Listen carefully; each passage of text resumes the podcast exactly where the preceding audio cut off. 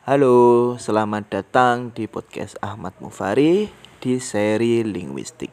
Jadi di seri ini kita akan membahas hal-hal berkaitan dengan linguistik apa pun itu.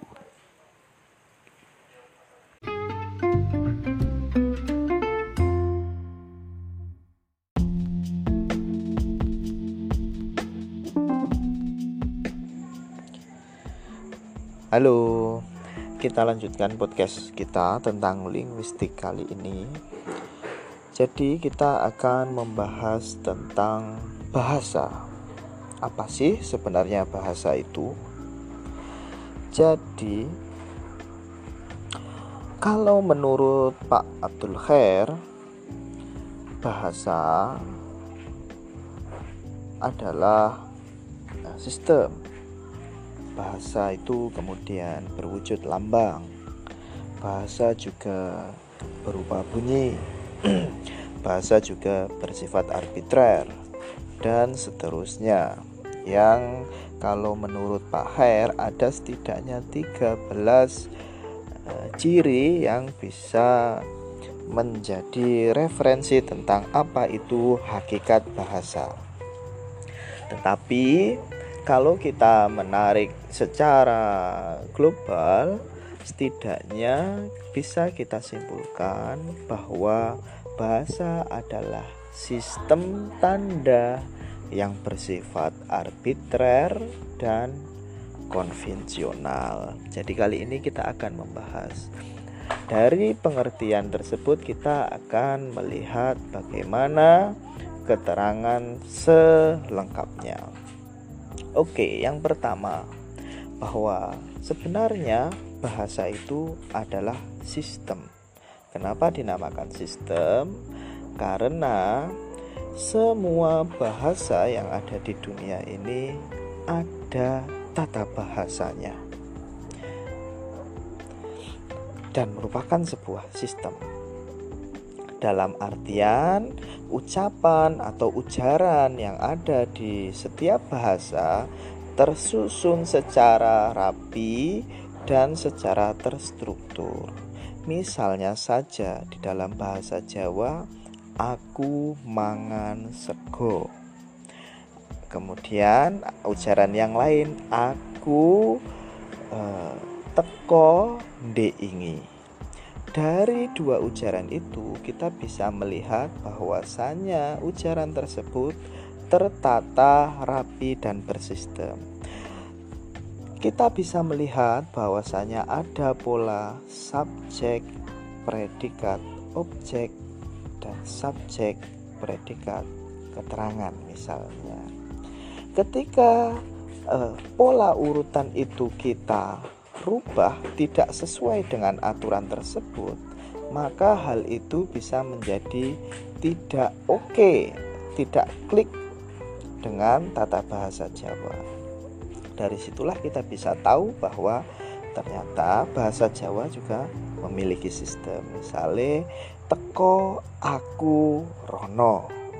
Maka Hal itu secara tata bahasa tidak berterima. Dalam artian lain, secara sistem bahasa Jawa dia tidak berterima. Anda atau teman-teman bisa mencari contoh yang lain di sistem-sistem bahasa-bahasa yang teman-teman pelajari. Bahasa Arab mungkin, bahasa Indonesia mungkin atau bahasa Prancis. Silahkan.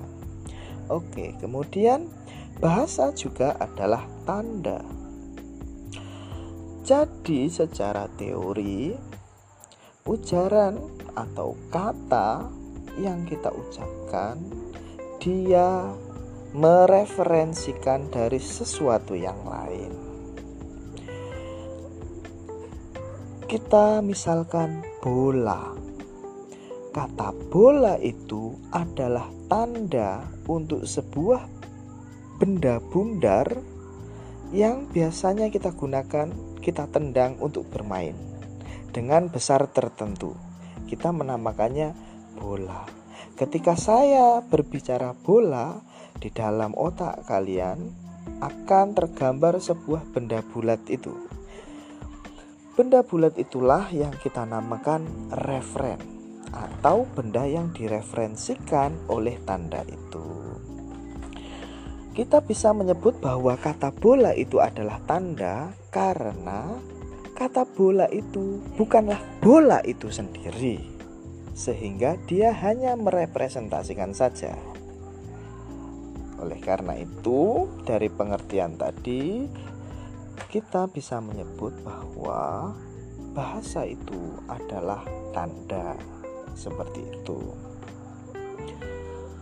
Uh, kemudian yang ketiga, bah, uh, kita ulangi dulu. Pertama, bahasa itu adalah sistem. Kemudian bahasa itu adalah tanda. Dan yang ketiga, bahasa itu bersifat arbitrer. Apa sebenarnya arbitrer itu? Secara leksikal, arbitrer itu maknanya adalah suka-suka.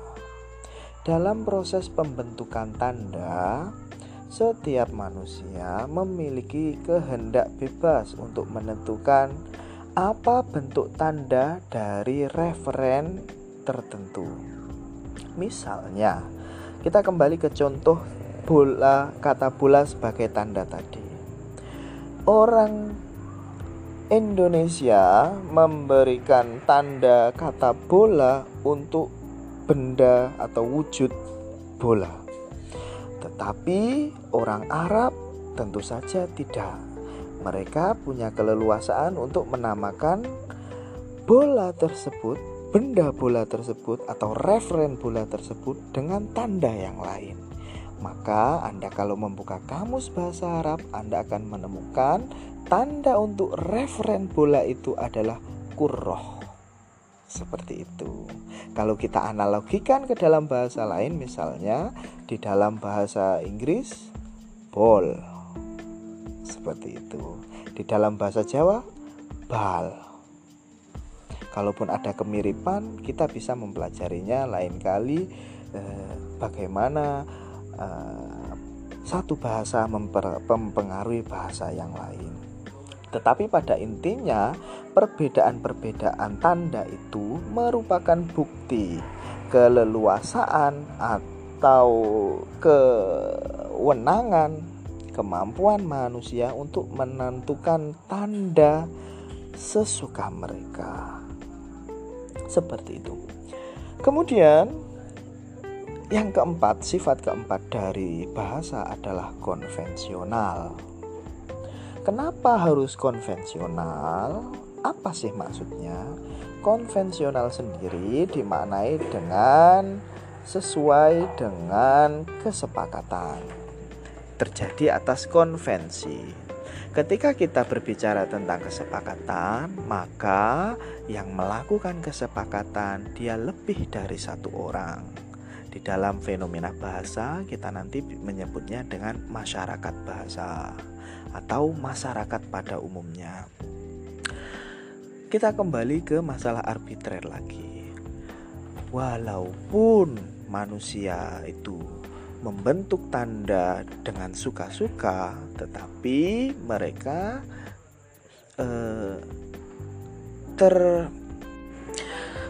terhalang oleh kemauan orang yang lain dalam artian dalam proses pembentukan tanda yang suka-suka tadi, mereka akan saling berdiskusi ataupun mengambil kesimpulan bersama tentang tanda itu. Hal ini dilakukan karena bahasa sendiri merupakan medium dalam komunikasi.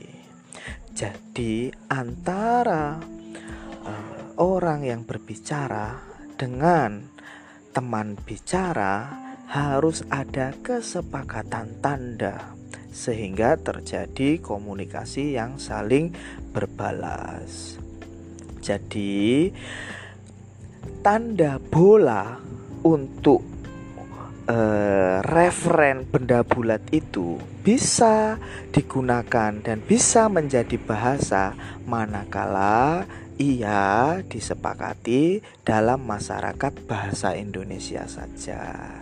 Kita tidak bisa semena-mena. Misalnya, kita ingin menamakan bola itu menjadi lele padahal sesuai kesepakatan di bahasa masyarakat bahasa Indonesia bola itu adalah tanda untuk benda bundar tersebut. Terima kasih, sampai ketemu di podcast selanjutnya.